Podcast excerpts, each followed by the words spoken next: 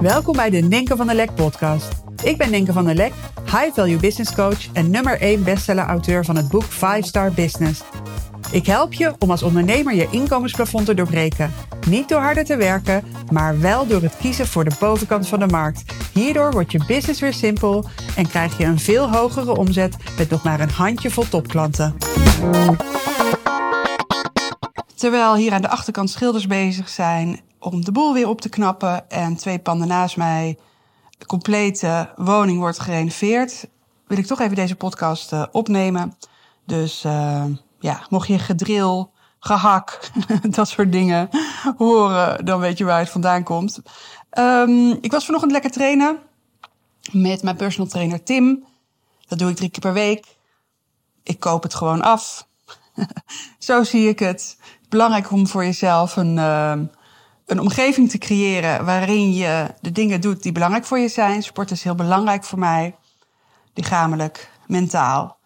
Alleen in mijn eentje hou ik het gewoon niet vol. Dat heeft het verleden al laten zien.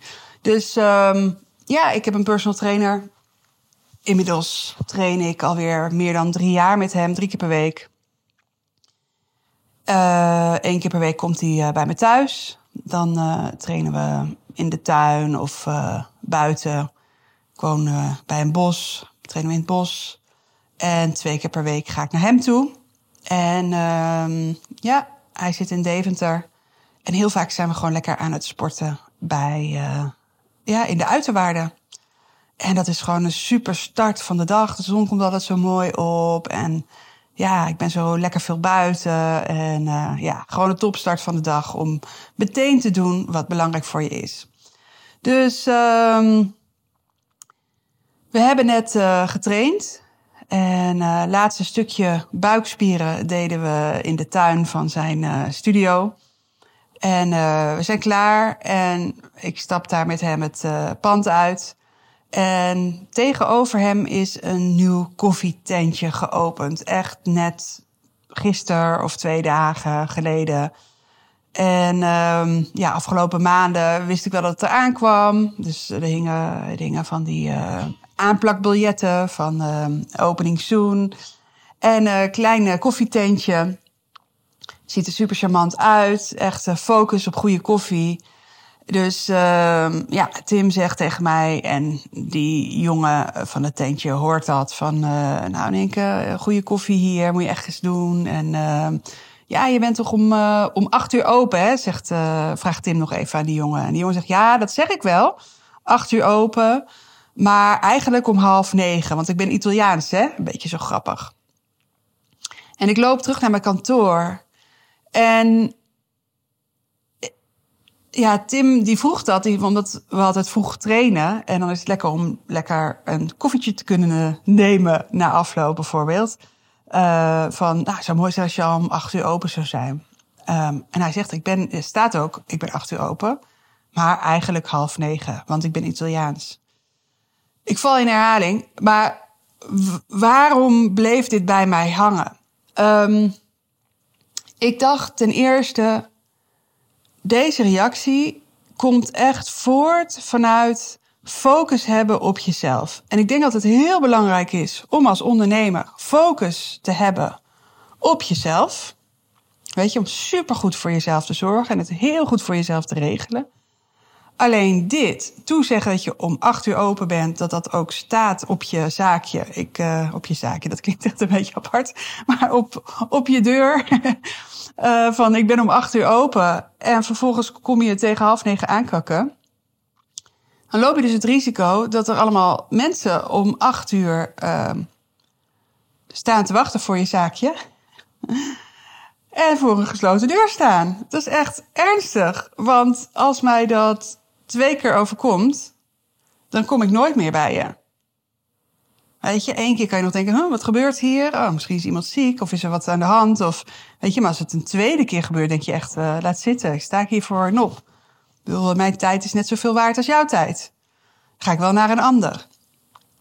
Dus de consequentie van zo'n mentaliteit is best wel, kan best wel groot zijn voor je zaakje. maar dat niet alleen. Ik dacht ook van, als jij bereid bent om acht uur open te zijn, dan ben je eerder open dan alle andere koffietentjes in Deventer. Want die gaan allemaal of om half negen of om negen uur open en sommige zelfs om tien uur. En ik kom uit Amsterdam en toen ik hierheen verhuisde, wat alweer, jeetje, dat is echt alweer 14 jaar geleden. Ja, deze zomer 14 jaar geleden. Um, toen vond ik het zo raar dat ik nergens ochtends goede koffie kon drinken. En ik, ik ontdekte ook van, oh, het is hier ook niet de mentaliteit om je kinderen naar school te brengen of naar de crash en daarna lekker even ergens goede koffie te drinken. Inmiddels beginnen dingen hier te veranderen, dus kan je al vanaf half negen goede koffie krijgen. Maar stel je voor, deze jongen met zijn nieuwe toko maakt het commitment om de eerste te zijn die open is. Die vroeg open is. Dus vroeger open te zijn dan de rest. De kans dat mensen die dus vroeg zijn jou weten te vinden, is heel erg groot. Maar stel je voor, Tim en ik vinden het, zijn al twee mensen die het belangrijk vinden om vroeg ergens goede koffie te kunnen krijgen. Wij komen bij jou, jij bent netjes om acht uur open, je bent er misschien al wat eerder, je bent bereid om dat te doen, dag in, dag uit. Dat betekent niet alleen dat wij om acht uur ochtends bij jou koffie komen halen, maar je creëert dan ook zo'n positieve ervaring dat als wij in de stad zijn en op een ander moment zin hebben in koffie, dat we dan ook naar jou toe gaan. Zeker als je ook nog eens een goede vibe met je meebrengt, ook al is het ochtends vroeg. En is je oude gewoonte om uit te slapen. Maar als je daar gewoon staat met een frisse blik en ja, ook onthoudt wie we zijn. En je hoeft alleen maar te zeggen: hé, hey, wat top dat jullie er weer zijn, vroege vogels. Wij zo spreken. Het zijn hele kleine dingen die voor klantenbinding heel veel betekenen. En die ervoor zorgen dat we terug blijven komen. Niet alleen maar op dat tijdstip, maar ook op andere momenten dat Tim en ik niet alleen maar met elkaar daar komen, maar dat we ook afzonderlijk van elkaar daar komen. Dat we ook andere mensen gaan meenemen. En die mensen, die gaan ook weer, als we een positieve ervaring hebben, andere klanten meenemen. Dus het is zo ontzettend belangrijk om iets te doen in je business wat anderen niet bereid zijn te doen. Dus al die koffietentjes hier gaan pas laat open. Die zijn dus niet bereid om heel vroeg open te gaan. Misschien denken ze, ja, dan is het nog niet zo druk. Maar ze denken dus echt aan de korte termijn. Terwijl als, ja, als je bereid bent de eerste te zijn, gaat dat je in die end heel veel opleveren. En dit is een voorbeeldje van zo'n koffietentje. Maar ook in jouw business kun je um, de concurrentie voorbij gaan. Je kunt met kop en schouders erboven uitsteken als je bereid bent iets te doen wat de rest niet bereid is te doen. En dat zit hem in simpele dingen, als bijvoorbeeld mensen een persoonlijke uitnodiging sturen, als bijvoorbeeld een podcast hebben en consequent te blijven podcasten. De discipline op te brengen om elke keer weer aanwezig te zijn. Want hoeveel mensen in jouw branche doen dat? Hoeveel mensen in jouw branche maken een commitment op iets en houden dat vol, houden dat vast? En als ik kijk naar de gemiddelde ondernemer, die doet bijna niks aan marketing. Als ik kijk naar de gemiddelde ondernemer, die probeert af en toe wat, maar die is op zoek naar korte termijn resultaat. En die realiseert zich niet wat hij misloopt als hij stopt. Want stoppen betekent opnieuw kunnen beginnen. En ja, marketing is zaaien. Zaaien, zaaien, zaaien, om vervolgens flink te kunnen oogsten. Maar je kan niet verwachten dat als je af en toe even zaait, dat, er, dat je dan flink kunt oogsten. Dus je zal ergens moet, van moeten zeggen van dit is waar ik me in vast ga bijten. Dit is waar ik mijn tanden in zet. Ook al is het lastig, ook al heb ik geen zin, ook al krijg ik niet meteen positieve feedback.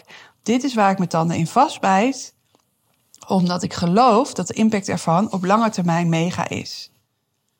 Ik moet nu ook denken bijvoorbeeld aan webinars geven, wat ik wat gewoon jarenlang ja, echt een mega cash cow voor me was. Zo kan ik het wel even zeggen. Het is, ik besloot niet, vroeger, heel de, daarvoor, die periode daarvoor, gaf ik af en toe een webinar. En dan ging het af en toe wel leuk. Tot ik besloot, dit ene webinar ga ik zo goed maken, ga ik, ja, ga ik heel goed maken, dat het een succeswebinar wordt. En dat ga ik honderd keer geven. Hetzelfde webinar ga ik honderd keer geven. En dat zorgde ervoor dat ik het steeds verder kon verbeteren. En dat het een enorm vliegbeeld voor me werd. Ik had zo vaak, ik gaf één, twee keer per week webinars. Ja, leverde die webinars 20, 40. Ik heb zelfs een webinar leverde 72.000 euro op. Moet je nagaan. Maar was ik gestopt door het. Was ik gestopt omdat ik dacht, ja, weet je, er zijn zo weinig mensen of er kopen zo weinig mensen. Dan had ik nooit de vruchten kunnen plukken van het commitment. Maar het was echt het voornemen, het commitment. Dit ga ik honderd keer doen. Ik ga wekelijks een webinar geven in plaats van af en toe. dus niet van ik ga het alleen maar doen als ik klanten nodig heb, maar ik ga het consistent doen. Dat veranderde alles. Dus het koffiezaakje kan de nummer één hier gaan worden als u bereid is om acht uur open te zijn en dan ook aanwezig te zijn. En de vraag is, waar ga jij je tanden in zetten? Wat is het ene ding waarvan jij, waarbij jij het commitment gaat maken van hier ga ik in uitblinken? Niet doordat ik per se de beste ben, maar wel doordat ik elke keer weer opkom dagen. Doordat ik vasthoud, doordat ik consistent ben. En dan, dan creëer je echt ja, een ripple effect. Dan creëer je het fenomeen van opstapelen, dat resultaten zich gaan opstapelen. En dat je eigenlijk met heel weinig moeite hele mooie resultaten kan creëren. Maak er een mooie dag van.